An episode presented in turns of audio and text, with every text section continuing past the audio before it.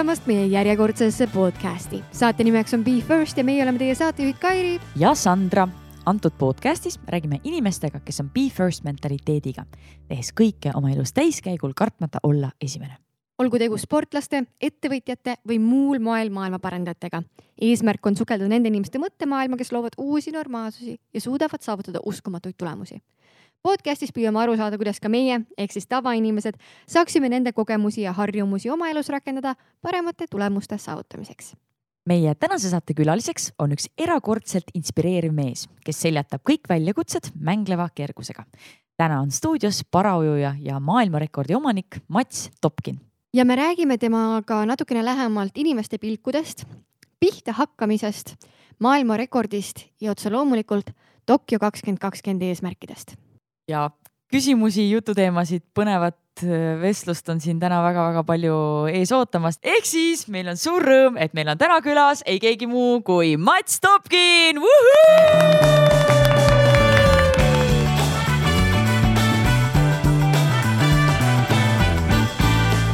aitäh teile. tere, Mats.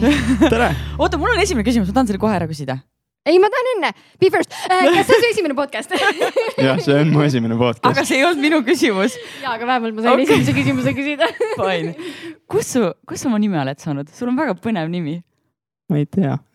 lihtsalt tuli. see, see. passis oli. ma olen, ma olen küsinud, aga ma pole saanud seletust, ma ei kujuta ette jah ei olnud mingit nimeraamatut ega midagi, lihtsalt otsustasid, vaatasid peale, ütlesid ah,. see, see on Mats Z-iga jah väga lahe, aga igal juhul meil on hästi hea meel, et sa oled meile täna külla tulnud ähm,. kas sa oled varem meie podcast'i kuulanud ka? tead sa no., mis sind ees ootab? ma natuke tegin kodutööd ja kuulasin Janek Õiglase podcast'i mingi kakskümmend minutit, et. see tähendab, et ta lõppu ei tea veel jama. Teinekord tuleb täispikkuses ära kuulata, ei ole siin midagi. Aga me alustame iga oma saadet ühe mänguga. Kairi räägib sulle, mis mäng see on. Sest et ta tavaliselt räägib. ma täiega tahaks teada, kas sul tuleks välja, nii proovime, Sandra räägib täna, mis mäng meil oh, on.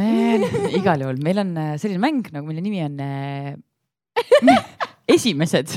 reaalselt pidi arvutisse vaatama praegu see on kuidagi nii sisse harjunud, meil on äh, esimeste mäng, kus me tahame teada, mis on siis sinu mingisugused esimesed asjad, mida sa kas oled mm -hmm. elus teinud või mida sa iga oma igapäevases elus teed. ja siis äh, sa võid vastata nendele küsimustele nii konkreetselt ja konkreetselt kui vähegi võimalik. sama Aha. konkreetselt nagu mina selgitasin praegu seda, igal juhul.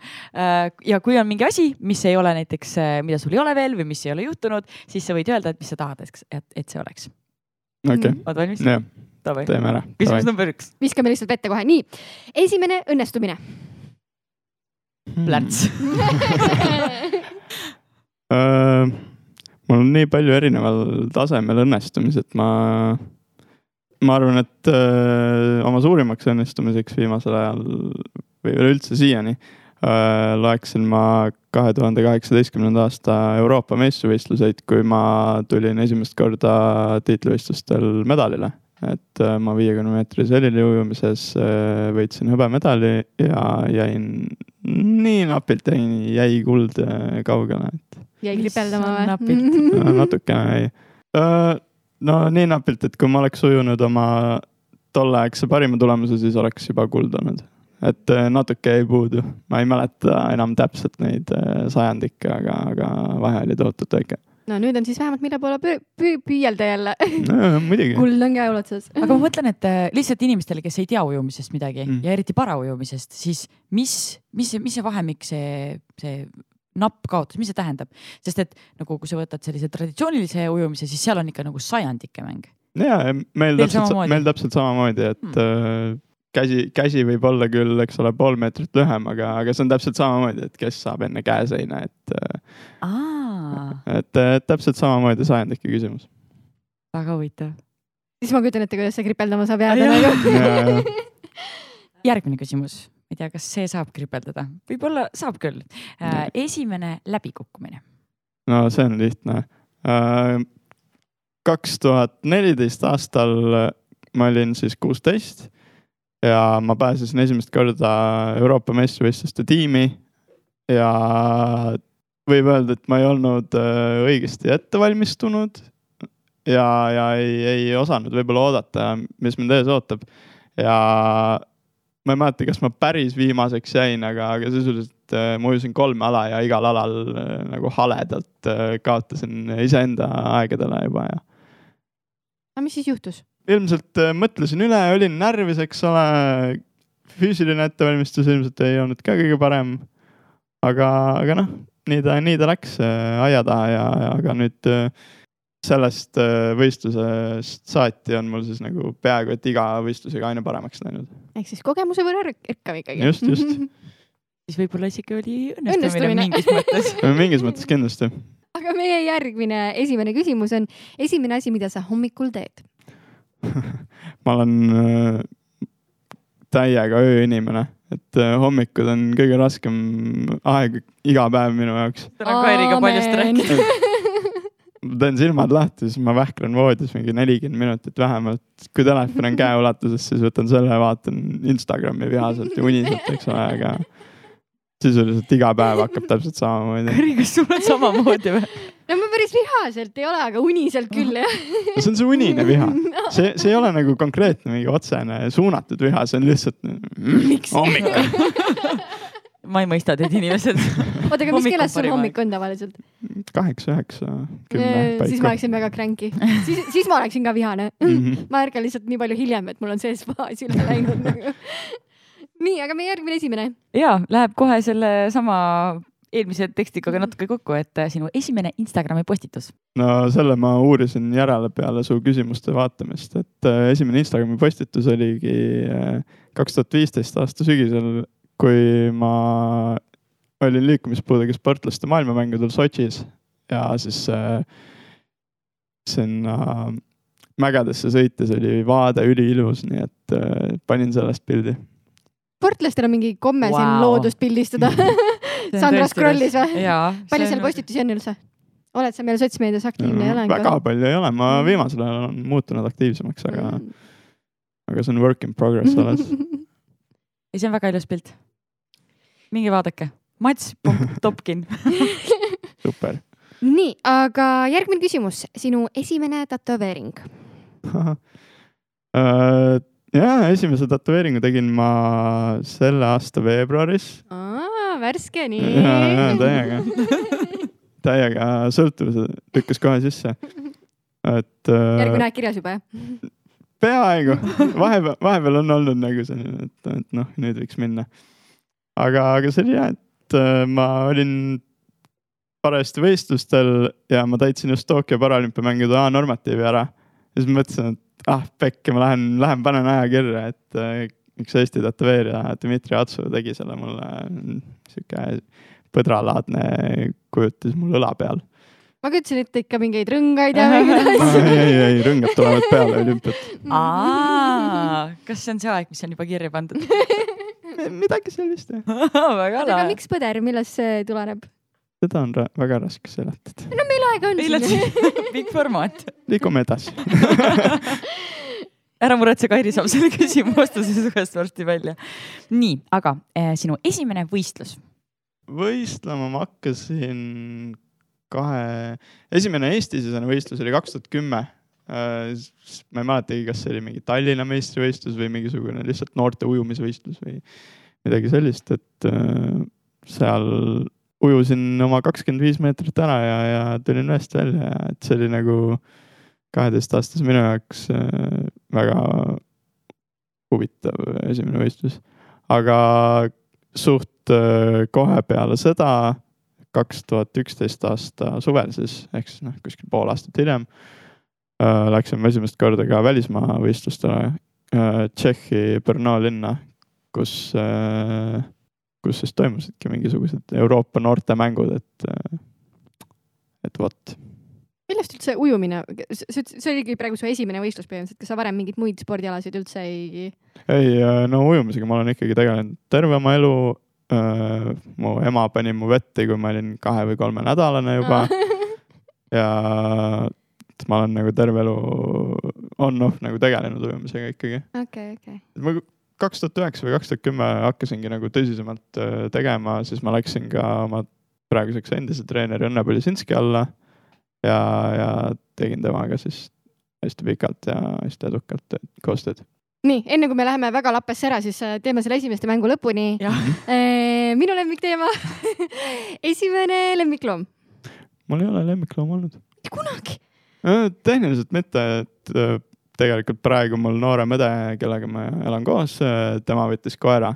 Et no- okei Tehniliselt- okay,, tehniliselt võib öelda, et ta on mu esimene lemmikloom. aga sa ei pea temaga õues käima, sa saad teda ainult Jaa. nuugutada, onju. põhimõtteliselt küll jah. ja siis, kui ta kuhugi nurka kakab, see on see, et mm, Pole minu. aga miks sellele lemmikloom on, sa ei ole kunagi tahtnud või? ma, ma ei ole nooremana väga loom-, loomainimene olnud. Et äh, alles nüüd äh, võib-olla viimase paari aasta jooksul olen avastanud, et kuule, et kassid meeldivad ja et oh, koerad on ka enam-vähem toredad ja et äh, sõltub koerast. jah, et, et jah, ei ole, ei ole sattunud. okei. Äh, sinu esimene armumine. seda küsimust ma kartsin. mulle meeldib, et me panime selle sisse alles nagu mingi kümme episoodi tagasi või midagi siukest. et esimesed pääsesid ilma selleta. jaa, täpselt. veab neil. nii, aga huvi. aga, aga ütlen ausalt, et äh, minu esimene armumine oli ilmselt äh, mingist multikasarjast, et võib-olla, issand, mul ei tulegi praegu selle multikasarja nimi meelde, aga ühesõnaga mingi kolm naisterahvast olid seal spioonid ja Kusjuures- me oleme sellest varem rääkinud ka, et, et, et kellelgi oli veel armumine mingisuguse Liisal. artisti ja, ja, ja et või ei, skeiter oli tal. ja tal oli skeiter ja just, just, just. Aga multika asju, see on Ei, korra varem olnud. Me first no, must- no see oli see, see oli noh, nii-öelda armumine siis jah, kiindumine. fännamine nagu. aga see on noores eas selles mõttes nagu see on, see on reaalne. muidugi. oh, seda noorust, kui see kõik armastus tuli nii lihtsalt. me sellest me ei, sellest me ei räägi. okei okay,, meie viimane küsimus äh, esimeste mängus on esimene kord, kui tundsid enda üle mega suurt uhkust. mm.. no ma, ma tunnen suht tihti enda üle väga suurt uhkust, aga, aga võib-olla, et äh, ujumisega seostada seda, siis kaks tuhat kuusteist aastal jälle olid Euroopa meistrivõistlused, et äh, seal täitsin ma ära Riio paralümpiamängude normatiivid. et see oli nagu tohutu eneseületus, arvestades mu eelmisi tulemusi ja, ja, ja, ja kõike möödunut, et, et see oli küll nagu täiega vau hetk. kahjuks ma mängudele ei pääsenud, et äh, ma tegin need normid liiga hilja ja, ja ei mahtunud tiimi lihtsalt, aga, aga, aga ikkagi see oli, teadmine, et sa vähemalt võiksid. täpselt. aga see on väga huvitav, et sa ütlesid, et sa tunned iga päev enda üle uhkust. seda väga inim-, inimesed nagu ei ütle või ei mõtle või ei tunneta tegelikult, mille üle sa uhkust tunned igapäevaselt. kõige.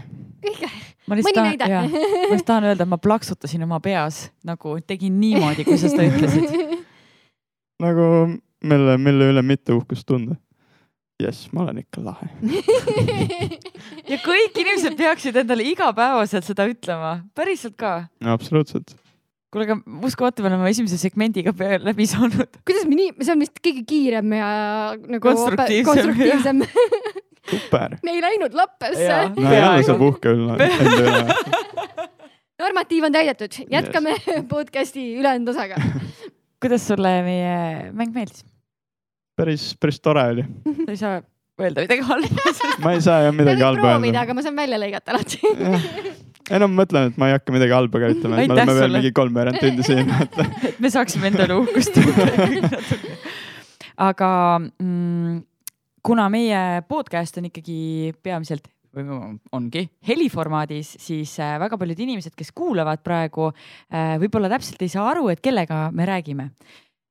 Mats, sina oled äh, paraujuja, just. mida see tähendab või kui sa nüüd võiksid ühele inimesele kirjeldada, et mis teeb sinust sellise erilise ujuja? no para spordiala eest tähendab ikkagi siis paraolümpiat. Minul on äh, sügav, selle nimi on liikumispuue, aga noh, üldfüüsiline puue, et äh, sisuliselt mul pole käsi, et äh, mu vasaku õla otsas on, on väike jupike, mida ma saan kasutada siis äh, kõikide tegemiste ja asjaajamiste jaoks. ja lisaks veel mu parem jalg on, on ka poole lühem kui, kui siis tavaline et äh, ma kannan äh, igapäevaselt ringi liikumiseks siis jalaproteesi. see on nii põnev nagu, see maailm tundub nii. minge Instagrami, sealt näete hästi palju pilte must, enamasti peaaegu paljalt. aga see on midagi, millest, mis, no see on sinu igapäevaelu osa, eks ole mm, -hmm. ja sa räägid sellest hästi vabalt. just, kas sa näed äh, oma teiste siis nagu sportlast, parasportlaste puhul, kas, kas nemad räägivad sellest samamoodi või on see mingisugune, no see on Nagu-, see on ikkagi iseloomu, iseloomu küsimus, et äh, kes, kes räägib, kes ei räägi, tabu see pole, aga, aga mõni, mõni lihtsalt äh, ei, ei taha, ei soovi äh, nii, nii vabalt rääkida siis äh, kõigile. aga noh, mis seal ikka, see annab jällegi võimaluse enda üle uhkust tunda. see on järgmine küsimus, ma tahakski teada tegelikult, et miks sa otsustasid oma elu keerulisemaks teha ja hakata sportlaseks nagu? see ei ole lihtne karjäärivalik, kohe kindlasti mitte. see, see juhtus äh, niimoodi poolkogemata nagu,. ma ujumisega niigi tegelesin, mulle nii väga meeldis see ja kui siis hakkasid võistlused tulema, siis äh, noh, kui ma sain kaheteist-kolmeteistaastaselt siin esimest korda Tšehhi minna ja siis juba tuli mingi Saksamaa võistlused ja et äh, kogu see reisimine, et see nagu kuhjus ja, ja siis äh, hakkas aina rohkem meeldima ja et mingil hetkel see muutus juba selleks, et oh, mis võistlustele ma tahaks järgmisel aastal minna ja ja et, et ikkagi nendesse kõ- kõige lahedamatesse kohtadesse tiitlivõistlustele saada, siis pidi ikka päris hästi seda ka tegema, nii et äh, see, see lihtsalt juhtus. kas sa tänasel hetkel võtad seda kui karjääri või sa ikkagi mõtled, et see on nagu asi, mis jääb ja siis koolis võtad mingid erialad ja siis teed midagi muud hoopis? ma, jah, ma ütleks, et praegusel hetkel ma kutsuksin seda juba enda karjääriks. eriti kuna kaks tuhat kaheksateist ma läksin kõrgkooli ja seal ma käisin umbes kaks kuud ja siis ma nagu sain aru, et, et ei ole ikkagi võimalik samal ajal nagu sajaprotsendiliselt teha mõlemat. nii et, nii et langetasin otsuse, et, et jään ikka ujuma praegu kas sa ütled meile kuulajatele ka, et mida sa õppima? ja ma läksin äh, äh, tervishoiu kõrgkooli terviseedendust õppima. tähendab terviseedendus, see tundub nii lai termin, et oh, ma ei mäleta enam seda täpset definitsiooni, ma loodan, et õppejõud ei kuula. aga terviseedendus äh, ühendab siis nii-öelda rahva tervist ja, ja tervishoidu, Mm, et äh, seal ei, ei ole nagu nii palju pistmist sellega, et äh, ma ei tea, mis ravimeid peab võtma, kui sa külmetunud oled või, või mis iganes, et seal on rohkem ja see, et äh, nagu laiemalt äh, rahva tervist parandada, et äh, inimesed kõik liiguksid näiteks ja. kümme tuhat sammu, let's do it. ja, jah, täpselt, et, et kõik siuksed kampaaniad, et see on nagu pool poliitiline ja pool äh, meditsiiniline. mulle tundub, et see on pigem selline ennetuslik õppetöö, et kui sa nagu õpid arstiks või õpid äh, meditsiini üldiselt, siis sa ravid juba mingisugust jaa, konditsiooni või kui selle kohta võib Mhm. niimoodi öelda, aga terviseedendus, sest et mulle tundub, et see vist on sama asi nagu, ma ei tea, välismaal õpitakse global health äkki midagi sarnast. et see just tegeleb sellega, et kuidas seda kõike, meil ei oleks arste vaja. et meil oleks vähem arste vaja, et meil oleks lühemad järjekorrad, võib vist niimoodi öelda. põhimõtteliselt küll jah. aga miks sa seda õppima tahtsid minna? see, ma, ma leidsin selle eriala nii ka suhteliselt suvaliselt, et äh, ma peale keskkooli lõppu võtsin juba niigi ühe vaheaasta ja siis ma vaatasin, et, et võiks ikkagi midagi nagu pihta ka hakata ja ma lihtsalt äh, brausisin erinevaid neid ülikoole ja kõrgkoole läbi ja, ja siis äh, sattusin kuidagi selle peale ja see tundus äh, ülihuvitav ja oligi ülihuvitav. ja ma lihtsalt läksin. Kuidas sulle täna tundub, et äh, kas mingi hetk on uuesti plaan näha seda kooli, kui on spordi kõrvalt rohkem aega või? ma arvan küll, et äh, tegelikult äh, oligi, et kogu see õppekava ja, ja see aine, eriala olid tõesti ülihuvitavad ja mul täiega meeldis selliste asjade peale mõelda ja neid probleeme, olgugi siis klassiruumis probleeme lahendada. Ja ma arvan küll, et äh, millalgi võib-olla lähen tagasi. aga sa ei lahenda seda probleemi tegelikult ainult klassiruumis, sest mina nägin sind ka esimest korda ju sellel suures kampaanias, kus sa olid. see oli nagu ülihea kokkusattumus nii, kas Äh. sa räägid natukene, mis kampaaniaga tegu oli ja mis roll seal oli? ja, et see oli Haigekassa kampaania, täpne nimi oli vist Hakkame liikuma, kus äh, mina ja veel kaks äh, meesterahvast äh, siis äh, rääkisime natuke iseenditest. et äh, kuidas me saame liik-, liigutada ja liikuda vastamata siis äh, võimalikele takistustele, mis meil on. et äh, mina, eks ole, pole pooli õppe küljes, aga ujun seal oli ka üks pime mees Jakob, kes äh, rääkis, et tema käib matkamas, jalutab ringi, eks ole, linnas ja, ja üks vanamees, kes äh, igapäevaselt äh, Tallinna linnavahet jookseb. et äh, täpsustan, härra, kes jookseb, kas see oli äkki mingi sada maratoni aastas või midagi sellist? ma ma ei ma võib-olla panen praegu, ma guugeldan, räägi sa edasi. aga kuidas sa sinna kampaaniasse sattusid? Äh, mind kutsuti, mulle tuli, see oli vist Eesti Paralümpiakomitee poolt, et äh, küsiti, et äh, Haigekassal on sihuke kampaania mõttes ja et äh, kas äh, mina tahaksin seda teha siis ja mõtlesin, et davai, et teeme ära. aga miks sa otsustasid, et jah, okei okay,, teeme nii, et paneme must plakateid äh, poole alast üles igale poole. et ma saaksin enda üle uhke olla väga äge. ei, need kampaania tegijad, need, kes selle mõtte peale tulid ja kõik äh, seotud inimesed, nad äh, rääkisid nii huvitavalt sellest ja mõtlesin, et nagu why not. see ei, see ei võta minult veel ühte tükki küljest ja, ja et äh, kui saab neile abiks olla, et siis äh, tegelikult see on väga õige nagu tähelepanu pööramine, et tihtipeale me leiame vabandusi, mis sest, et meil ei ole otseselt päriselt vabandusi mm. -hmm. nagu. kas sa ise oma elus otsid mingite asjade koha pealt, et miks sa ei saa või ei jõua või ei taha midagi teha? kui mul väga vaja on, siis ma leian alati vabanduse. aga kui tihti sa seda teed või mis teemade koha pealt sa seda teed? kas trenn on üks neist, vist mitte? Äh, trenniga on natuke teistmoodi, kuna mul on äh, nii, nii teistsugune puue ja keha, eks ole, et äh, siis äh, tihtipeale on see, et mul võib äh, täiesti ootamatult koormus mingil hetkel nagu valesti liiga paljuks minna. et nendel hetkedel siis ma ütlengi ausalt, et kuule, et ma täna ei tee või et täna jätan vahele, homme jätan vahele, mida iganes. see on lihtsalt ülioluline see, et ma peangi jälgima täpselt, et mis seisundis ma ise olen. aga ma vaheküsimusena, see ei ole laiskus, see on mõistlik ja kaalutletud otsus, mitte Jah. teha. aga kus kus, see- kus sa sellel vahet see teed, nagu? see laiskus on see, kui ma hommikul ei viitsi minna.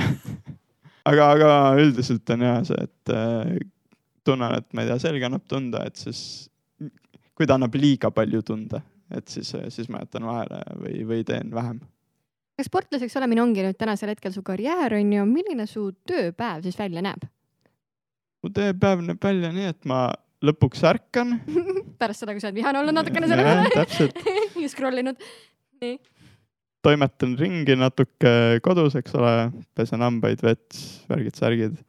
millalgi päeva jooksul ma lähen trenni, praegusel hetkel ma olen niivõrd paindliku graafikuga, et ma võin minna siis, kui ma ise tahan. treener jookseb ise kohale siis või sa pead talle lihtsalt pärast aru andma? ma annan treenerile aru lihtsalt ja et öö, kui ma teen temaga koos, siis öö, lepime eelnevalt kokku millalgi, tavaliselt hommikul. Ja, ja siis teeme. Aga räägi võib-olla täpsemalt sellest, et kuidas sinu treeningu, kuidas sinu treeningplaan välja näeb, mida sa teed ja võib-olla isegi olulisemale, et kuidas sa seda teed. ma teen äh, kahes keskkonnas siis trenni, ma teen vees äh,, kus ma siis üldiselt äh, ujun kaks kuni kolm kilomeetrit äh, Oota, trenni kohta. mis see tähendab, mis sa seal veel teed? ei, siis kui, siis kui rasked trennid on, siis see muutub mingil hetkel uppumiseks. lihtsalt ütleme kuulajatele, et see oli, see oli see, oli, no see Igaks juhuks. see oli, see oli piltlik nali jah. okei okay,, selge. nii, palun. Äh, ujun siis kaks kuni kolm kilomeetrit ja peamiselt äh, teengi oma ainsa terve tükiga oma vasaku jalaga, teen siis äh, peamiselt äh, kogu töö ära. ja teiseks käin ma jõusaalis, kus äh, jällegi ma pean hästi hoolikalt vaatama, et mida ma teha saan ja kuidas ma teha saan. et ilmselgelt ma pumpama ei lähe või lõuatõmbeid tegema, et selle asemel siis tuleb jah, kerelihased ja jalad nende peale keskenduda. Aga on sul äh, jõusaalis keegi, kes sind äh, juhendab või sa mõtled ise oma harjutusi välja? mul tänasel päeval ei ole juhendajat, aga, aga mul on eelnevalt olnud äh, väga-väga mitu väga asjalikku juhendajat ja treenerit. aga põhjus, miks sul praegu ei ole, on lihtsalt praegu, praegu lihtsalt jah ah, ma, vahetasin sellel aastal klubi, et sellega seoses Aa. äh, mõned asjad on veel muutumas ja, ja, ja täpsemalt selgumas aga klubivahetus, see tähendab täpsemalt mida? mis klubi sa vahetasid? äh, oma ujumisklubi, ma treenisin äh, kaks tuhat üheksa aastast äh, SK Meduusis ja nüüd sellel sügisel peale maailmameistrivõistluseid ma otsustasin, et ma liitun Kalevi ujumiskooliga. ja see tähendabki siis seda, et kogu, kõik treenerid, kõik äh, taustajõud äh,, teised õpilased, kõik, kõik muutusid. trenni asukoht loomulikult ka miks sa sellise otsuse vastu võtsid? uh,? väga raske küsimus. aga meil need ainult rasked küsimused ongi Jaa. siin podcast'is. meile siin ei ole mitte midagi meeldivat. jah, seda Henri hoiatas uh, ma tundsin uh, juba siis kaks tuhat üheksateist aasta alguses et uh, võib-olla oleks vaja keskkonnavahetust ja ma siin pigem detailidesse ei laskuks, aga selle nüüd sellel sügisel lõppenud hooajaga jõudsin ma selgusele, et äh, jep, see on, see on õige mõte. ja, ja siis oligi, suhtlesin Kalevi ujumiskooliga ja, ja nemad olid väga-väga-väga rõõmsad selle mõtte üle ja, ja nüüd me siin olemegi aga ma lihtsalt tahan öelda, et ega muutus ei ole halb. muutus on äh, väga hea ja minu arust muutus ongi aeg-ajalt vaja selleks, et sportlastel eriti. Täpselt. muidugi. et, et, et, et edasi minna, et äh, minu arust väga hea näide sellest on Eesti võrkpallikoondis, kellel oli aastaid imeline treener ja ta on jätkuvalt, Gianni äh, on jätkuvalt väga hea treener, aga lihtsalt sel hetkel oli vaja mingisugust muutust, et, et see ei tähenda seda, et üks või teine oli halb. just muidugi, et äh, ju kõik muutub liiga ühekülgseks ja igavaks, kui, kui sa oled, kui sa, kui, kui sa ei muuda midagi, täpselt. et aga kui lihtne või raske on üldse Eestis leida paratreenereid? kas see nõuab ju mingit eraldi nagu arusaama ikkagi asjadest või kas teie trennid näevad sarnased välja nagu? Äh, mingit pidi näevad sarnased välja, tegelikult äh, praegusel hetkel ma ei treenigi nii-öelda paratreeneri juures, et äh, treeneriks praegu on Kairi Hindrikson ja ta treenib äh, ikkagi teisi, teisi ujujaid ja teisi lapsi gruppides ja, ja mina olen siis nüüd tal nii-öelda kõrvalprojektina. aga kas tal on mingid spetsiifilised asjad, mida ta peab silmas pidama, kui ta sulle trenne teeb või? tegelikult ei pea, et see ei ole nii keeruline et.... ujumine ise on juba keeruline. väga paljud inimesed ütleksid, et ujumine on väga keeruline. kui ma peaksin seda tegema nagu ühe jalaga, siis see oleks veel ekstra keeruline. ah, Disclaimer'ina võin öelda, Kairi saab ujumisega väga hästi hakkama tegelikult e. Eesti inimene peab ujuja olema Mm. meri on igal pool. aga tegelikult ei ole ja, et äh, on vaja lihtsalt äh, olla lahtise mõtteviisiga ja jooksvalt äh, vaadata, et mis töötab, mis ei tööta aga kas ei oleks lihtsam, kui nagu treener on juba asjad järgi proovinud, noh, et praegu sa ütled, peab jooksvalt vaatama ja nagu mugandama, onju. et kas, kas see on okei okay,, et sa oled katsejänes justkui ei, ei, ei, ma ei, ma ei mõelnud äh, enda näitel, et äh, meil äh, Kairega on väga hea arusaam teineteisega, et äh, praegu ta küll veel õpetab enda viise mulle. see on üks osa sellest muutusest, et mm -hmm. äh, iga, iga treener on erinev aga, aga ei, meil on super arusaamine teineteisega, aga pigem just see, et kui jutt käib mingi, mingist teisest alast või et äh, Eestis on meil see, et äh, ujujaid, paraujumise klubisid nii-öelda on olemas mm. -hmm. Kaasa arvatud äh, SK Meduus, kus ma siis eelnevalt ujusin, et seal on ainult paraujujad. aga, aga teistel spordialadel minu teada ei ole vist äh, Eestis vähemalt äh, nii-öelda paraklubisid või paratreenerid olemas, et äh, seal tulebki lihtsalt siis äh, leida mingisugune lahendus. minu jaoks on imetlusväärne see, kuidas sa ütled või kui sa räägid erinevatest asjadest, sa räägid hästi palju sellest, et vaja on lihtsalt teha ja väga palju sõltub mindset'ist. Mm -hmm. kui palju sa näed Eestis veel sellise nagu sinu potentsiaaliga äh, inimesi, kes võiksid olla ka äh, ujujad ja võiksid olla sama nagu head ujujad kui sina, aga miskipärast nad ei tee seda. kui sul oleks võimalik neile midagi öelda praegu läbi siin selle, nende raadiolainete, mida sa ütleksid neile? no kui selline müütiline inimene Eestis olemas on, siis palun tee hakka tegema aga näed, et kas on reaalselt selliseid inimesi? ujumises ma tean, et on paar hästi noort äh, tüdrukut, kes võiksid minu meelest ka tulevikus edasi tegeleda sellega ja just nimelt tipptasemel. aga, aga seda on nii keeruline otsustada, sest et äh, praegusel ajal parasport äh, liigub edasi nii kiiresti äh,.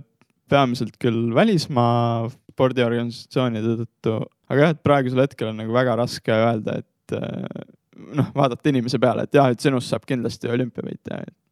ma just mõtlen seda mindset'i osa. Aga seda, see ei peaks ainult spordialaga seotud olema nagu üldiselt, kui palju näiteks on inimesi, kellel on mingisugune piirang ees ja siis nad lihtsalt löövad käega, et kui, kui sa saaksid neile midagi öelda, et mida nad oma mõttemaailmas võiksid muuta selle jaoks, et olla edukamad, mis iganes asja nad teha tahavad. ma, ma, ma ei oskagi midagi muud öelda, kui et lihtsalt hakka tegema.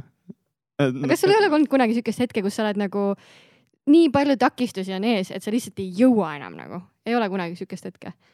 No kui me siin äh, enne äh, läbikukkumistest rääkisime, siis sama kaks tuhat neliteist aasta Euroopa meistrivõistlused olid äh, tegelikult sellised, et äh, need toimusid augustis ja siis mul äkki detsembrini ei olnud väga tahtmist äh, vette minna.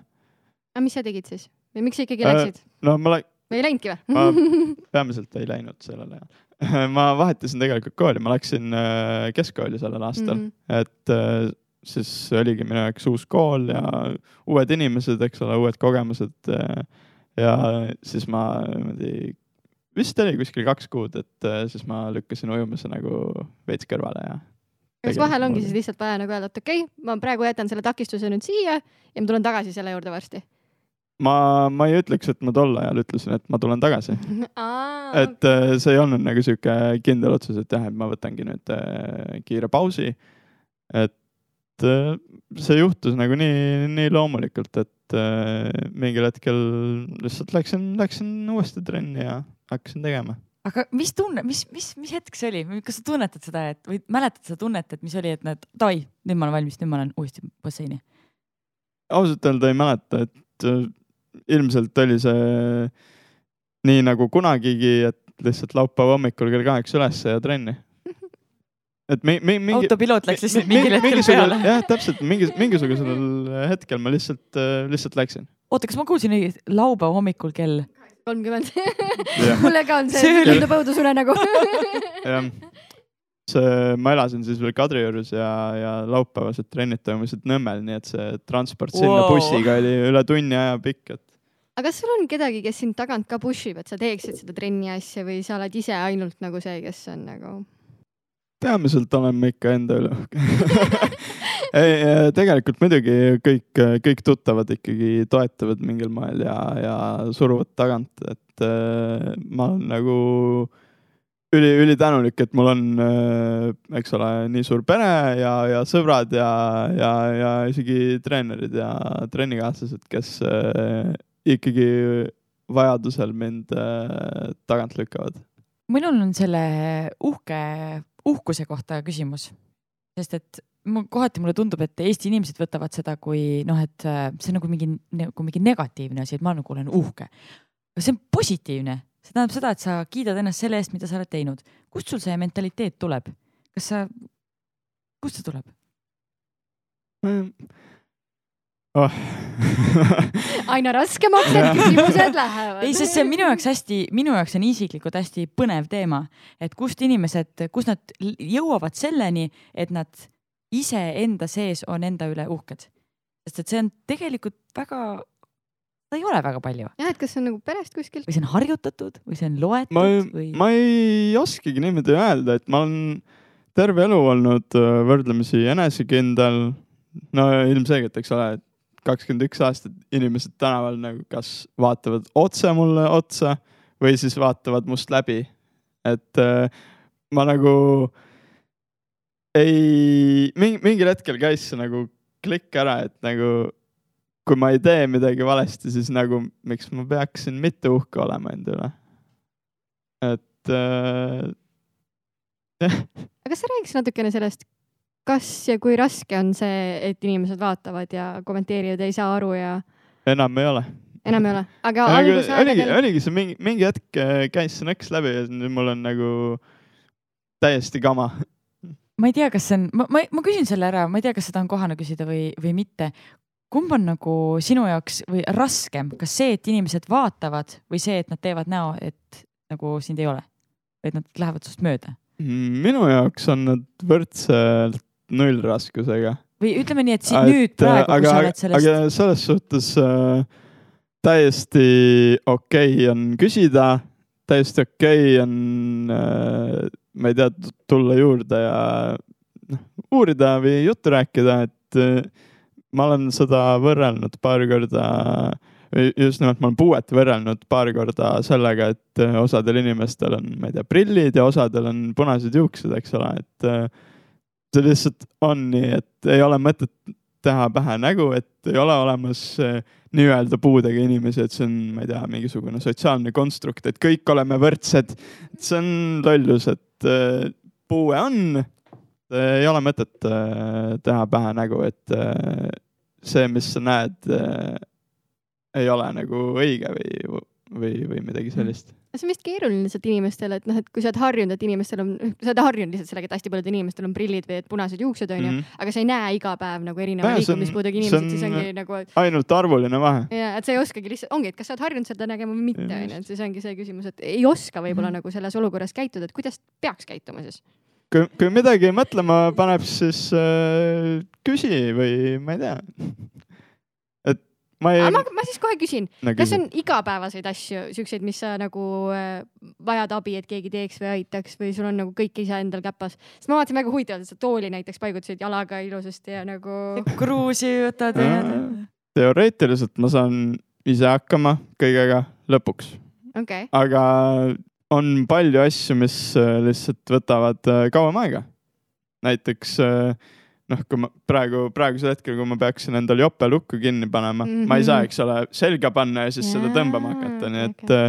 äh, kui ma pean seda ise tegema, siis ma tavaliselt laotan jope kuskile, ma ei tea, laua peale näiteks, panen lukku pooleldi kinni, libistan ennast sisse ja siis tõmban lõpuni.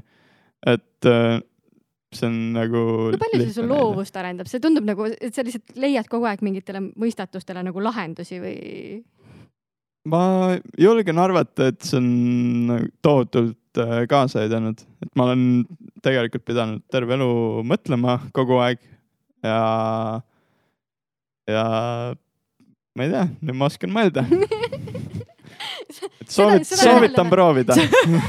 kasulik tegevus. üsna, oluline tegevus ja, aga kui sa nagu noh, kui sa ütled, et sa oled ise, sa oled ise väga enesekindel ja ma näen seda ka, siis äh, kui sul näiteks on jope selga panemisega tarvis abi, siis sa küsid seda. ja see on, kui näiteks küsid näiteks kellegi käest, kui sa lähed kuhugi, ma ei tea, kinno või teatrisse, on mõni mm. inimene, kelle juurde sa pöördud, sa nagu see on norma- normaalne, et sa pöördud tema poole ja, ja palud ma, abi. ma lähengi lihtsalt, et vabandust, et kas te saaksite mul jope lukku kinni tõmmata. ja tavaliselt inimesed on nagu okei okay sellega ja Jah, kohe reageerivad, eks ole. See enesekindluse teema, nagu ma olen kolmkümmend üks tänaseks hetkeks ja ma ei ole ikka enamus eluolukordades enesekindel. kas see on õpitud sul või sa, kuidas sa selle omandasid, selle oskuse, ma sooviks ka, palun, aitäh. Fake it till you make it. It, kusjuures see ei ole esimene kord, kui see meil podcast'is läbi kõlab, aga see on täiesti tõsi, aga see on täiesti tõsi, lihtsalt fake it till you make it. sest sa hakkad ise lihtsalt uskuma seda mingi hetk, jah? ja, kui sa oled olukorras, siis mõtle, et no nii, ma nüüd olen enesekindel ja, ja ole enesekindel. lihtsuses peitub võlu. aga see on nagu harjumus tegelikult ju, sa ju lihtsalt Juurutad, sisendad juurutad, endale jaa. midagi sellist, mis mingil hetkel saabki sinu omaks. aga kas sul on mõni hetk nagu siuke? ma olen rikas, mul on miljonid, mul Töötaks see maganud. ma olen proovinud, see ei tööta nii. mul on vaja kaks tundi und, ei ole vaja rohkem. üks teema, milleni me ei ole veel jõudnud, kuigi me oleme päris pikalt äh, rääkinud, on üldiselt maailma olu. Kas ja kui palju mõtled sa selle peale, mis meil maailmas toimub nagu üldiselt ühiskonnana, keskkonnana ja kas sul on mingid teemad, mis on sinu jaoks olulisemad kui teised?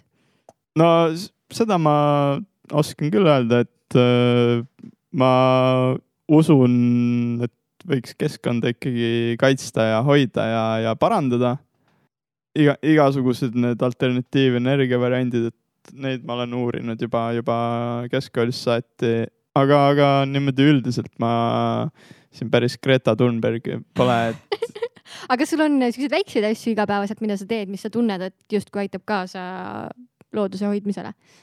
no ma üritan plastikut võimalikult vähe kasutada. väga hea plaan, väga hea samm juba. terve möödunud suve grillisime me kännust. mis see tähendab, kuidas see käib? et nagu äh, tegite tuld või sõite? me, me, Just me asking. igaks Oligi- juhuks. kännust, ja mitte kaevasime, kändu. kaevati känd välja ja, ja põletasime seda ja siis selle peal äh, liha näiteks ja esimest korda kuulen, no maalaps ja esimest korda kuulen. aga sa oled maalaps või sa ei olnud maalaps? ei, ma olen täielik Täie- linnalaps no täielik linnalaps teab, et kännu pealt saab grillida Sandra, Sandra, väga, väga Sandra. piinlik on mu ega, ega ma ka seda varem ei teadnud. no mina ei olnud jällegi ka see, kes seda kändu kaevas ja põletas.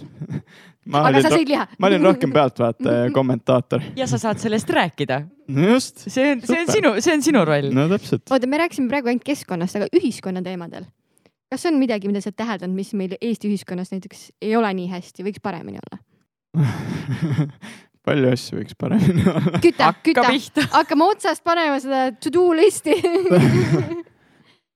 ma ei, ma ei teagi, kust pihta hakata. me võime pärast nagu võtta selle positiivse külje ka, et mis hästi on, aga et tasakaalustada asja. kui sa See- vaatad kasvõi enda seisukohast, ülisuur probleem on ikkagi see, et parasportlastele ei maksta raha. ega see on tõsine probleem. ei, tegelikult, tegelikult see, see preem-, preemiarahade ja konkreetselt kogu selle raha teema vahel, et äh, need äh, vahed on tohutult suured. Et äh, just nimelt äh, meil on suured just nimelt para- ja tavasportlaste vahel, aga et äh, üleüldiselt peaaegu igal pool on need vahed nagu tohutud. aga millest see tuleneb? no eks see tuleneb, see on väga sarnane, ma arvan, sellega, miks naiste jalgpall ei teeni mm. nii palju kui meeste jalgpall, et see lihtsalt ei vaadata nii palju, et äh, kuna need äh, numbrid, vaatajate numbrid on nii väiksed, siis äh, ei ole seal nii palju huvi suursponsoritelt, ei ole nii palju huvi kasvõi väiksematelt toetajatelt ja, ja noh, selle tõttu ongi, et. siis meil on vaja muuta para seksikaks äh, hästi turundada niimoodi, et kõik vaataksid ja siis hakkavad rahad voolama. kusjuures äh, Ameerikas tehti just äh, vist sel aastal, et äh, US Olympic Committee muutis enda nime ja, ja tegevuse nüüd äh, ametlikult US Olympic and Paralympic Committee'ks.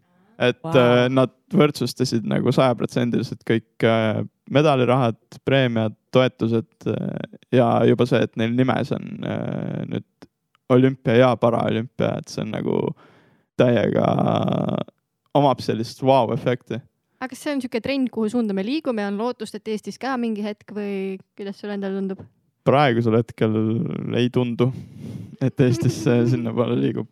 kindlasti noh, tegelikult äh, paremaks läheb ta küll, et äh, nüüd on äh, Eesti Paralümpiakomitee liikunud Sotsiaalministeeriumi alt Kultuuriministeeriumi alla, mis äh, juba tähendas, et äh, aastane eelarve suurenes äkki kahe või kolmekordselt ja suureneb nüüd äh, järgmise aastaga veelgi, et äh, asjad liiguvad paremuse poole, aga no selles suhtes muidugi minu kui äh, esindussportlase seisukohast võiks need asjad palju kiiremini liikuda.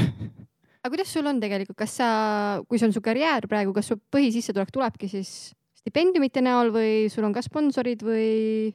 minu põhisissetulek tuleb ausalt öelda mu töövõimetuspensionist. tubli see Eesti riik., see on mu igakuine, igakuine sissetulek. Mhm. aga, aga jah, et äh, üldiselt jah, stipendiumit, medalipreemiat, mida see aasta ma ei saanud kahjuks ja, ja, ja toetused. et äh, sponsoritest mul nagu, mul, mul sellist sponsorit pole. rahasponsoritele jah, jah, rahasponsorit mul pole. aga kas sul on mingi manager või keegi, kes tegeleks sellega, et leida sponsoreid või te peaksite, peate ise seda tegema või kuidas see käib? üldiselt peab ikka ise tegema.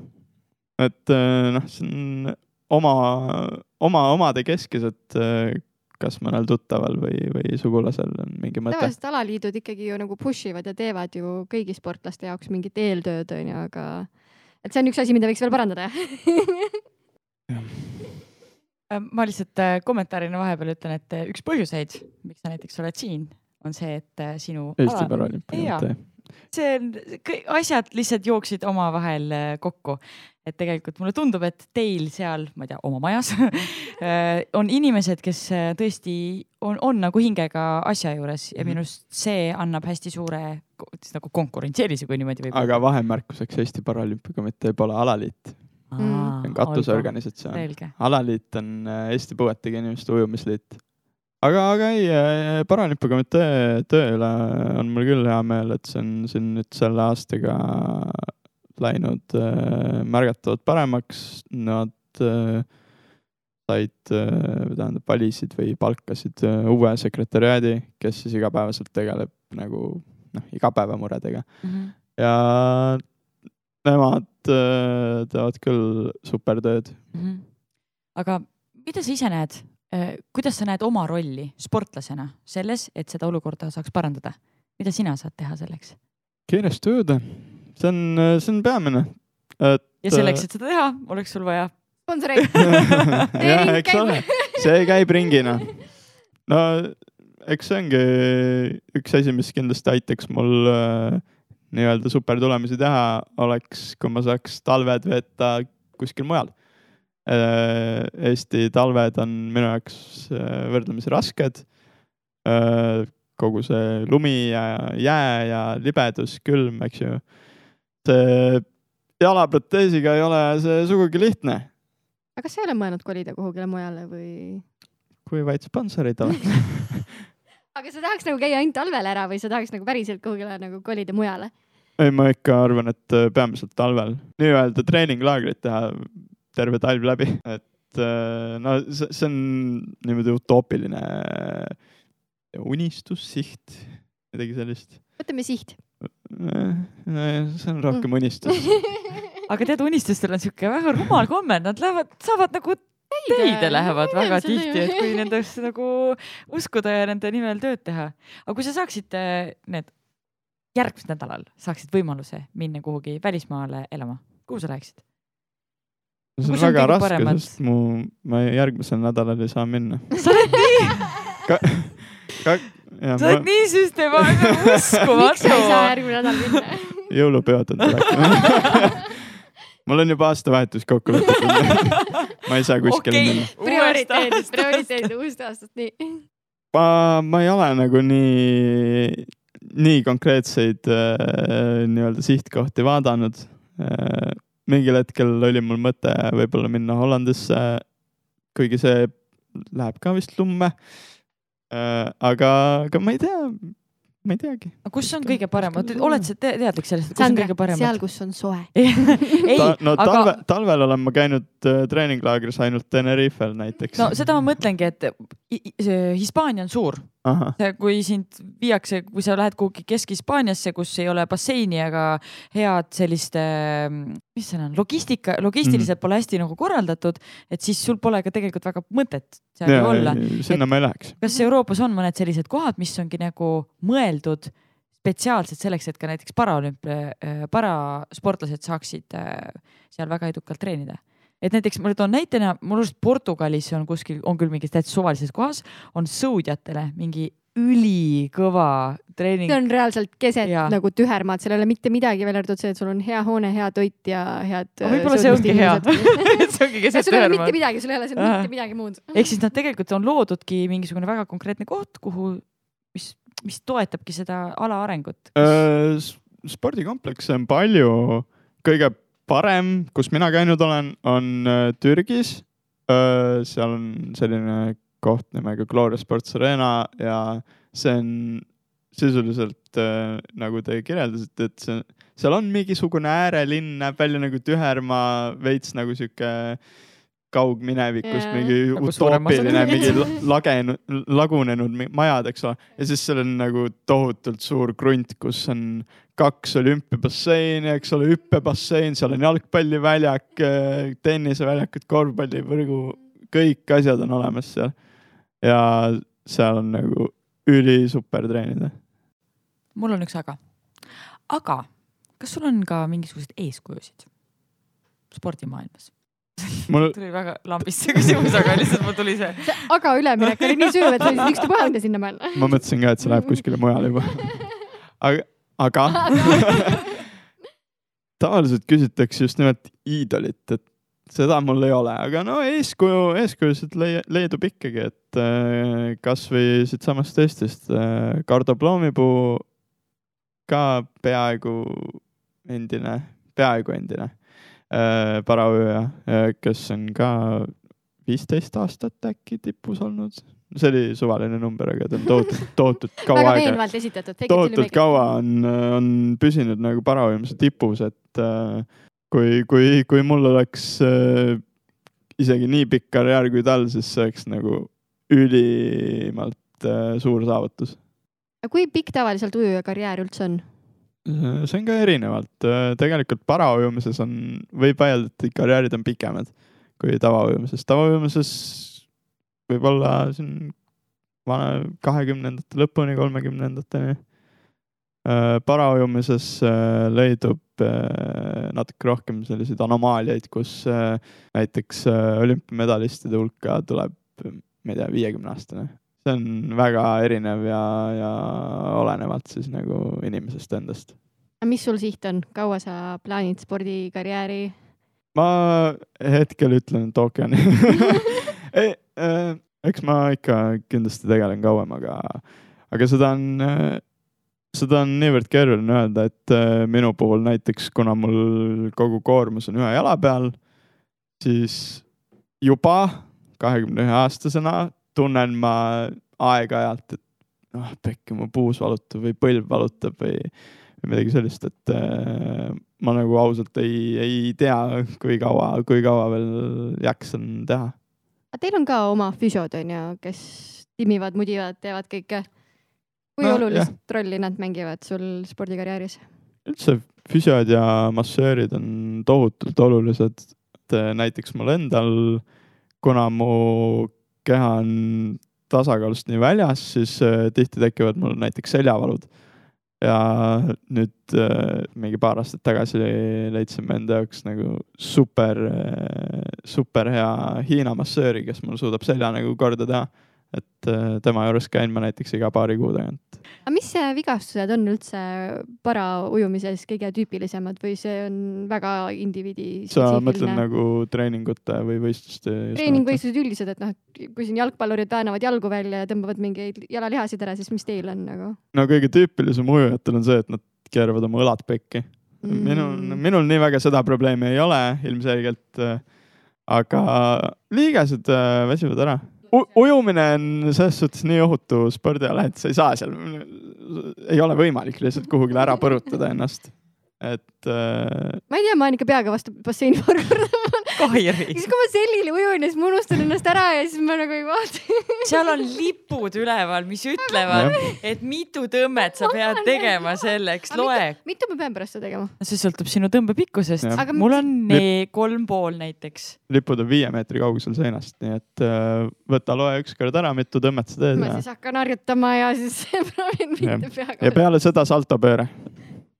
Seda ma võin teha, no see mulle meeldib, vesi mulle meeldib, aga ma lihtsalt aeg-ajalt unustan ennast ära ja siis ma, jah. see on nii meditatiivne tegevus onju, ma ei tee seda tippsportlasena, nii et mina saan seda rahulikult nautida. mis asja, mis, mu viimased ujumistrennid olid kõike muud kui meditatiivne. ma pean sinuga koos ujuma minema, sest mul on kogu aeg sihuke tunne, et nagu oh my god, kakskümmend otsa veel. aga kuidas sul tunne on, see on küll nagu basseini lihtsalt edasi-tagasi, edasi-tagasi nelikümmend ringi nagu. Ei ole kopa ees. põhiline mõte, mis mul äh, ujumise ajal ringi käib, on see, et pekki, mul on kõht nii tühi, ma tahan ära siit minna. kusjuures jaa, miks Mul kõht nii tühjaks läheb, miks ujudes See- kõht nii tühjaks see on läheb? isegi nagu mu vanade treeningkaaslaste seas nali juba, et mida, mida, mida mina ütlen basseinis. pekki, ma tahaks süüa. millal see läbi saab juba?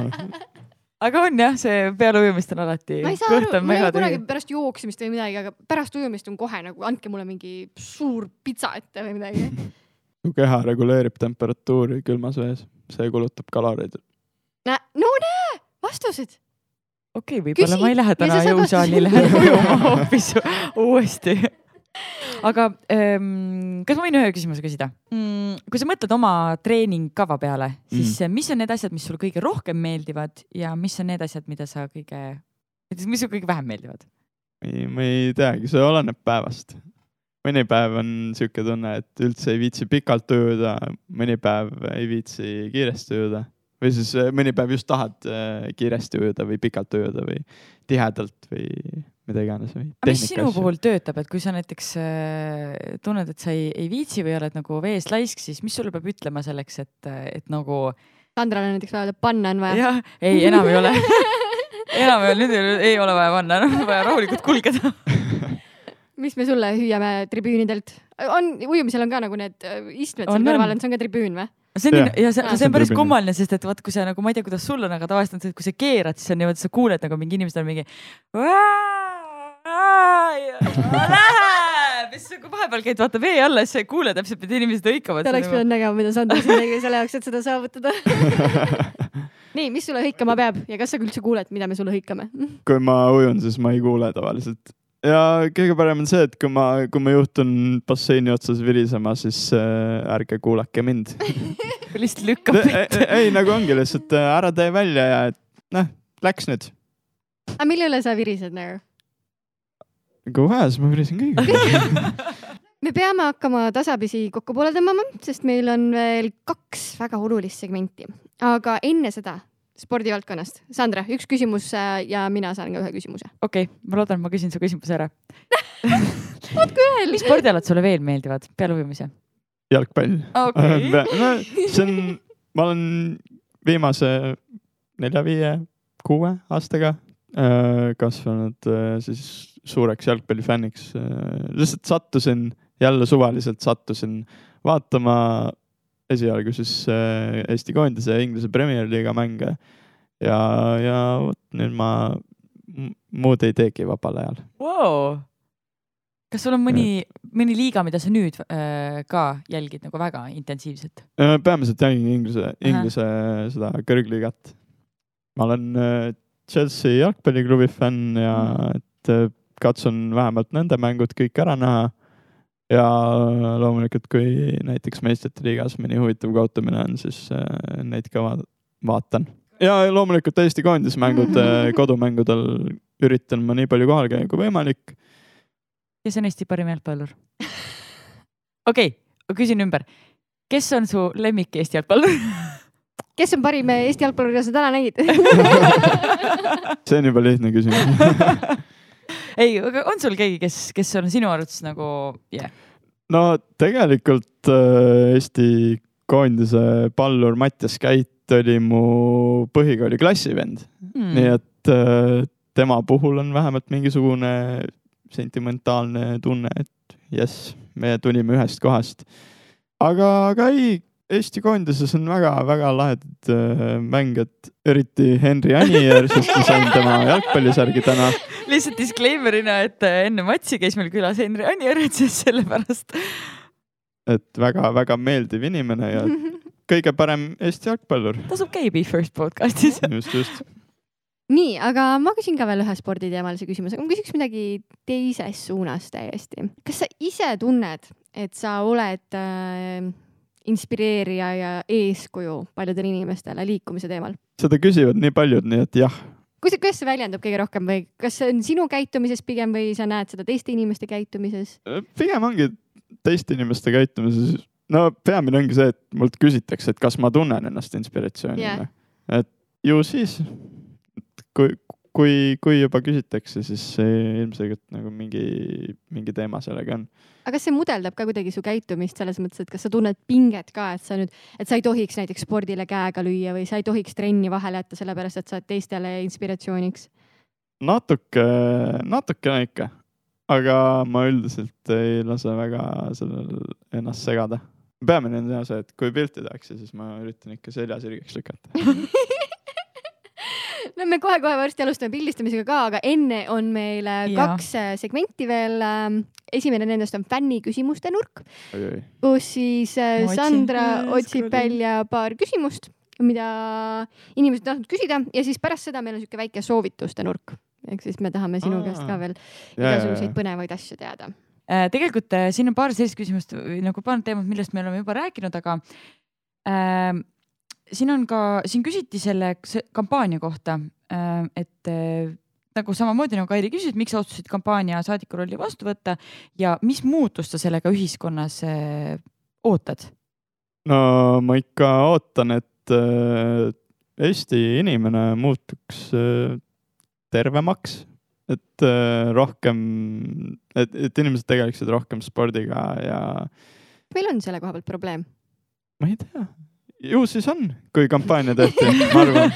väga loogiline järeldus. Äh, okei oota, ma okay., küsin täi- aa., täiendava küsimuse siia selle koha pealt, et mis tähendab sinu jaoks, et me peaksime olema liikuvad? kui palju või mida me peaksime päevas tegema selle jaoks, et me oleksime terved ja tublid? mm,. nii palju, et su, et sa füüsiliselt vähemalt oled äh, parimas võimalikus vormis. Et see, see ei tähenda, see ei tähenda kõigi puhul küll seda, et äh, mingi rämedalt ripped ja six-pack nagu punnitab välja, eks ole Jaa. kõhu alt, aga, aga lihtsalt see, et ära ole rasvunud. jaksa ma nüüd lähen trenni, siis sa oled ja, ära. jaksa trepist käia ja.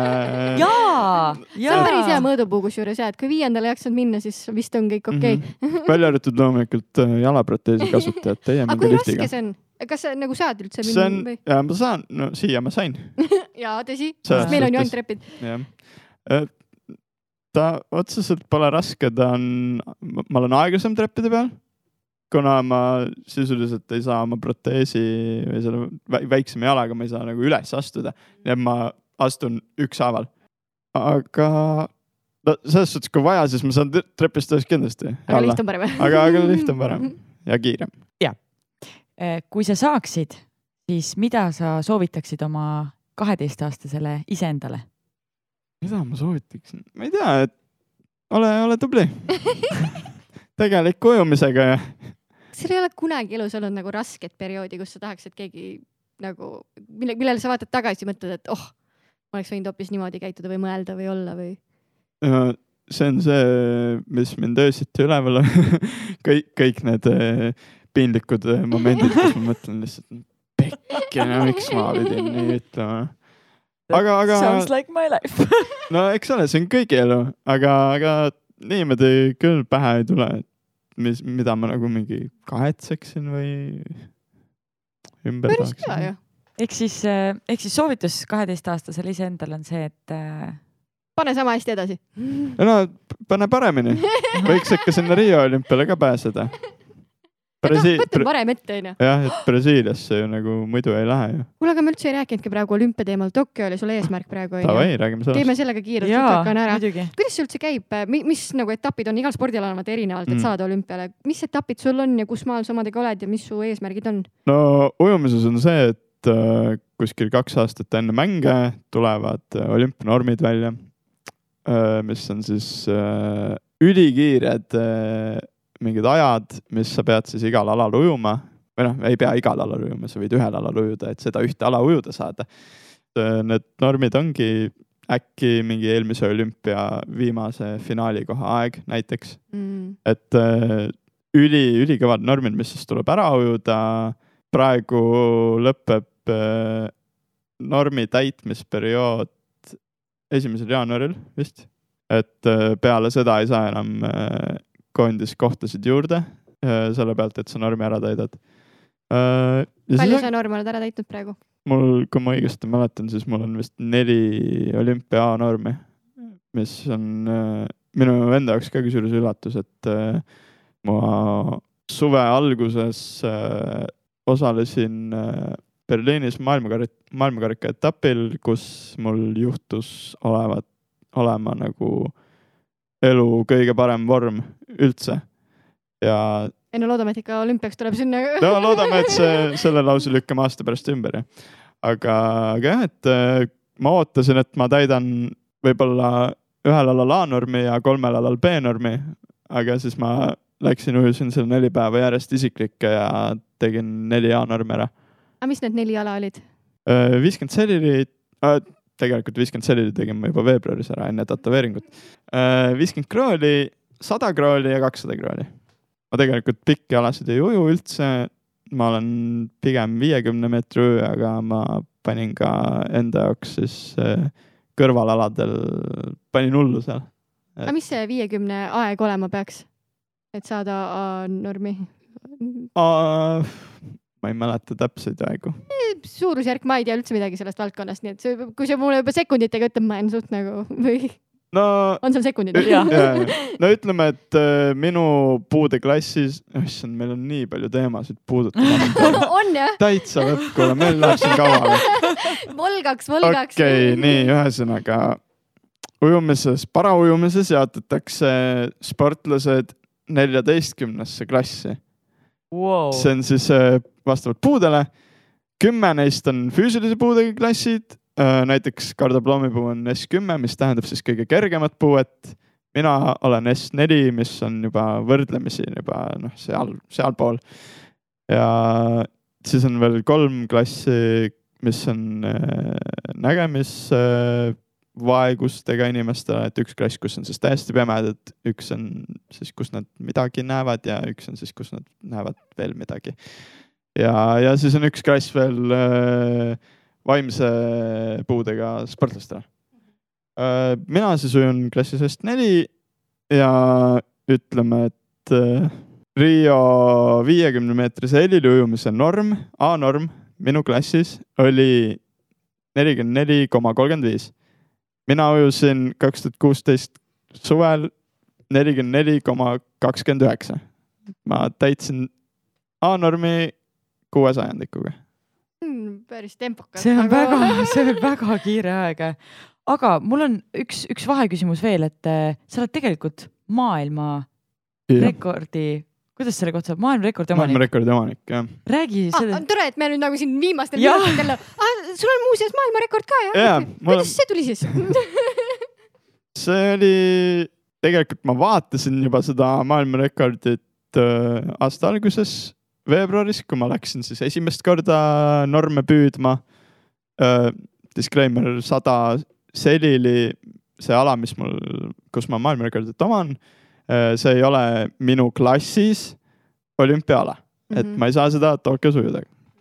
aga, aga oligi, et äh, ma vaatasin äh, talvel aasta alguses neid, neid aegu, neid rekordeid ja vaatasin, et, et võiks täitsa proovida. siis äh, läksin siis veebruaris võistlustele sinna Araabiasse ja jäi, mul jäi maailmarekordist väga vähe puudu. Aga noh, see oli, seal olid kehvad tingimused basseinides. mis see see, seal tähendab? oli kehv bassein, miks sa ei hõljunud? see ei vesi oli raske. Ühe seina ääres oli basseini sügavus äkki kuuskümmend sentimeetrit või? Mm. et äh, olümpiabasseinis peaks vist äkki kolm meetrit olema või? et kuuskümmend sentimeetrit või seitsekümmend sentimeetrit on nagu liiga vähe Mm. äh,. aga jah, et seal, seal jäi mul natukene puudu sellest maailmarekordist. tol hetkel see oli vist äkki üks kolmkümmend üheksa või mina ujusin üks nelikümmend ja äkki nädal peale seda võistlust ujus äh, Uus-Meremaa kutt äh, ühel teisel võistlusel viis numbrid üks kolmekümne üheksa pealt üks kolmekümne nelja peale, wow. mis on nagu väga jõhker ajaparandus. ja siis ma, siis ma juba vaatasin, et noh, okei okay, siis, et Euroopa rekord oleks ka hea. aga, aga, aga vot Aga? äh, siis äh, läksin sinna Berliini võistlustele. sada selili oli viimasel võistluspäeval, nii et äh, ma võtsin, kuna ma võtsin veel enda jaoks nagu tohutult palju alasid ka, siis äh, ma juba vahepeal noh, põhimõtteliselt unustasin ära selle mõtte, et no- noh, Euroopa rekord ikka oleks tore, aga noh, see jäi kõrvale, kõrvale mõtteks siis. ja, ja siis oligi, et äh, ma neli päeva võistlesin, ma olin kolm päeva järjest ujunud isiklikke rekordeid ja finaale ja mida kõike. ja, ja siis tuli see saja meetri selline start ja noh, tuligi ära. ma ma, ma, ma, ma parandasin enda isiklikku rekordit äh, kuue sekundiga. tunne, see oli päris hea tunne. ma ei no oligi, ma jäin seisma, ma vaatasin seda tablood ja mõtlesingi, et no täitsa pekkis noh, tuligi, tuligi ära. aga kas on hirm ka, et see vend tuleb ujub uuesti üle? eks ikka on, ma ei, ma, ma ei tea, see ei ole meil, see ei ole minu klassis äh, olümpiaala, nii et see ei ole nagu võib-olla nii ah, prioriteetne tead, üks maailmarekord siin ees või taga, et noh, tuleb, ujub üles, ma ujun no, uuesti. sama kutt võitis tegelikult äh, nüüd sügisel maailmameistrivõistlustel kulla viiekümne meetri seliliujumisel, mis on siis minu klassi olümpiaala. mina tulin siis neljandaks kahjuks, aga, aga jah, et äh, noh, kui ta, kui ta teeb üle selle, siis äh, mis seal ikka, eks ma proovin siis äh, võimalusel uuesti. aga on sul veel silmapiiril mõni maailmarekord, mida sa jahid või tahaksid No, või? tegelikult mul on veel kaks mitteametlikku maailmarekordit Nee., kui ma päris aus olen. Nee. Need on- ole päris aus, palun ma ole päris ma olen aus. päris aus jah. viiskümmend meetrit selili siis lühirajal. oi, me jõuame siin nii pikalt veel rääkida okei, nii, olümpiabassein on viiskümmend meetrit pikk. selliseid basseine Eestis, no okei okay,, Kalev Spa ja, ja Tartu Aura tegelikult on ka, no Auro on ju kogu aeg. aga Aura on risti jah kogu aeg. ja see on siis olümpia, olümpiamõõtmed on viiskümmend meetrit.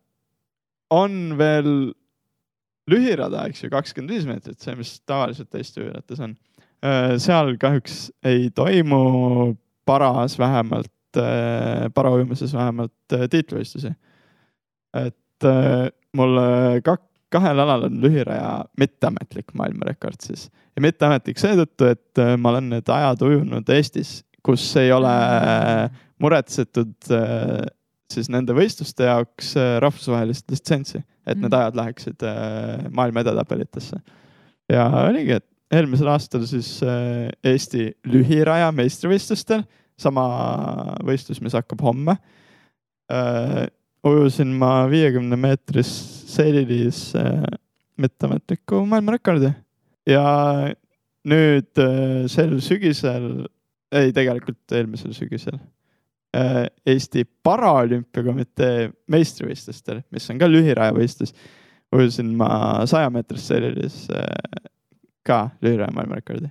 nii et äh, jah, mul on, võiks, Massive. mul võiks sa võid olla endale nagu- uhke olla vist. võin, sul eks on ole küll põhjuseid, miks endale uhke sellest ma olla. räägingi, meil läks, ma ei tea, kui kaua siin, et selleni jõuda, aga et põhjuseid on küll, miks uhke olla. aga ma tahaks teada, mis sul äh, Tokyo eesmärgid on? Tokyo eesmärgid on äh, tulla poodiumile. see on, ma ei hakka siin, ma ei hakka siin suure suuga maailmarekordeid ja kuldmedaleid lubama.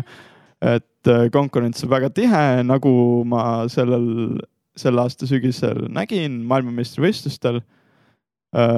kus ma siis enne võistlusi olin ma maailma edetabelis teine, aga võistlustel olid teised kutid paremad, kiiremad ja ma jäin neljandaks väga-väga-väga väikeste vahedega, et, et see on paratamatus, seekord läks nii ja ma loodan siis Tokyos äh, olla nendest parem. minu arust väga hea eesmärk. tead, mis on, mul tuli üks küsimus veel. ja küsi. ma ei tea, kuhu, kas me selle paneme, aga kas, kas sinu alal on dopinguga ka mingisuguseid äh, probleeme? Või kui, kui reguleeritud see teema on teil? no see on, see on reguleeritud, käidakse kontrollimas. mina veel tegelikult praegu pole Adamsi nimekirjas, et ma ei pea igapäevaselt teada andma, kuhu mind testima saab tulla, aga, aga võistlustel on käidud kontrollimas küll. aga nii palju neid dopinguga rikkujaid ei olegi. mul ei, ausalt öelda ei tule ühtegi ujujat üle siis nagu kõikide spordiklasside ei tule pähe, kes võiks dopinguga dopinguga probleeme siis omada. aga meil on jällegi teised probleemid. meil on mõnedest riikidest tulnud selliseid sportlaseid, kes äh, tunduvad veits nagu kahtlased. Et äh, okei, ütle, ütleme, ütleme nii, et äh, kui on klass S kümme, eks ole, et tüü- tüüpiline sportlane näeb sul välja siis selline, et tal võib-olla üks jalalaba on natuke haige või, või, või äh, üks käsi on randmeni näiteks. et see on S kümme, see on nagu minimaalne puue. ja kuna seal spordiklassid on jaotatud väga-väga keeruliselt, siis ühte spordiklassi ei satu ainult siis nagu, ainult pooliku käega inimesed, et seal on erinevaid. et noh, ongi, et kelle kõrvuti ujubki sul, et kes- kellel on randmeni käsi ja kellel on äh, üks jalg äh, mingi veits väiksem ja, ja siis äh, on seal veel juures ka nii-öelda lihasehaiged. seal on see cerebral palsy laadsed haigused ja on selliseid äh, sportlasid tulnud, kes siis vaatad peale, mitte midagi pole aru saada. kui toimub klassifitseerimine, siis ta lonkab või on valus või ei liigu või ujub äh, aeglaselt. ja siis tiitlivõistlustel jä- järs- järsku saab seesama vend kuulutada, et tead, ta ujus äh, järsku, ma ei tea, pool minutit äh, kiiremini kui kuu aega tagasi kontrollvõistlusel. tegi mingisugused maailmarekordid ja võidab kullad ja preemiarahad ja sellised asjad. wow. Õnneks äh, noh, minu klassis seda nii palju ei ole, et väga raske on fake ida, et sul pole kolme jäset. aga, aga et jah, et suuremates klassides just nimelt S10, S9 on võimalik, et on sellised probleemid. kas see on mingi viimase aja mure või see on juba pikka aega kestnud? Või sellele lihtsalt on praegusel ajal Äh, hakatud rohkem tähelepanu pöörama? praegusel ajal on, on hakatud rohkem tähelepanu pöörama ja võib-olla, nojah, võib-olla ongi, et inimesed on rohkem teadlikud sellest. et tegelikult äh, selliseid, selliseid cheater eid on, on varem ka olnud, et äh, ma ei mäleta, mis, mis koondises seda räägiti, aga kellegi, mingisugune riik tegi eelmisel sajandil nii, et äh, nad panid äh, vaimupuudega korvpallitiimi panid välja ja tegelikult olid äh, võetud lihtsalt, lihtsalt inimesed kuskilt äh, sellisest Aasiast või, või Venemaa ida poolt, kes äh, lihtsalt äh, näojooned meenutasid nende siis, ma ei tea, hõimus äh, Downi sündroomiga inimesi. ja siis äh, tulid ja lihtsalt nagu konkreetselt panid ära lihtsalt rängalt. täiesti uskumatu, milline meie maailm on. et äh, selles suhtes nagu jah, kohati tekivad nagu mi,, mi, mi, miks, miks peaks nagu sihukest asja tegema? keda sa petad, onju, sa petad ainult ennast. no vot, ma mõtlen, et kas see sportlane nagu tunneb siis nagu uhkust ka või? no ei saa ju. sa ei ole ju selle välja no teeninud. eks ole, võiks, võiks ju nagu olla nagu sellisel lainel, et. see on väga mitte aupaklik. mitte, mitte aupaklik äh, nende sportlaste jah ees, kes, kes näevad väga palju vaeva selle nimeks, et selle nimel, et No no, jõuda sinna, kus nad on. kuulge, noored. me peame Me peame jätma ei, aga tegelikult ei tee sportlased väga palju sohki, et need on mõned üksikud, me kõik üldiselt oleme väga tublid, eriti mina. kuule, aga sina, väga tubli inimene, räägi meile mõned soovitused, mida me võiksime kaasa võtta tänasest podcast'ist. kas sul on mõni raamat või äh, mõni muu podcast, mida sa soovitaksid meil kuulata? lugeda? ei, ei, sa ei loe Ma raamatuid või? Ma kunagi lugesin raamatuid, aga viimasel ajal on see nagu unarusse jäänud. ma väga tahaks jälle selle nii-öelda lugemissoone Mhm. leida endas jälle, aga, aga hetkel äh, on see aga kohustuslikust kirjandusest ei olnud midagi, mis sümpatiseeris või kõik oli siuke, et issand, miks ma seda loen. mulle väga jah ei meeldinud see kohustuslik kirjandus, ma eelistasin enda, enda kraami lugeda. mis on viimane raamat, mida sa lugesid, kui sa mäletad? Ma ei mäleta, aga ma sain eile EOK medalivõitjate ast- vastuvõtult äh, Tanel Leoki raamatu, et võib-olla loen seda.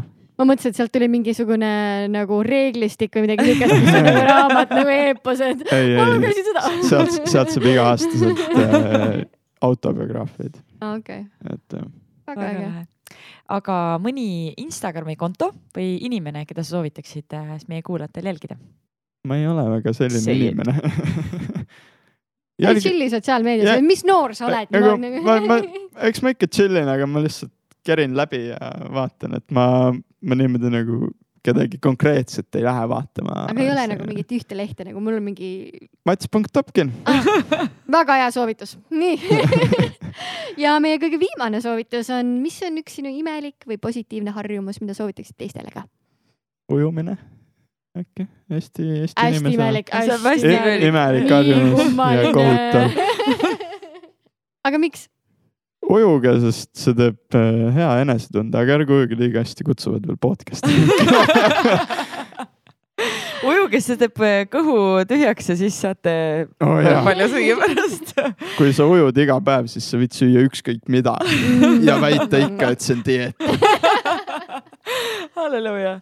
Kuulge suur-suur aitäh sulle, Mats, et sa meile külla tulid. aeg lendas nagu tõesti lendas. ja aitäh, aitäh tulemast. aitäh teile ja aitäh kuulajad, et olite taas kord meiega järgmise podcastini. tšau, ja tšau.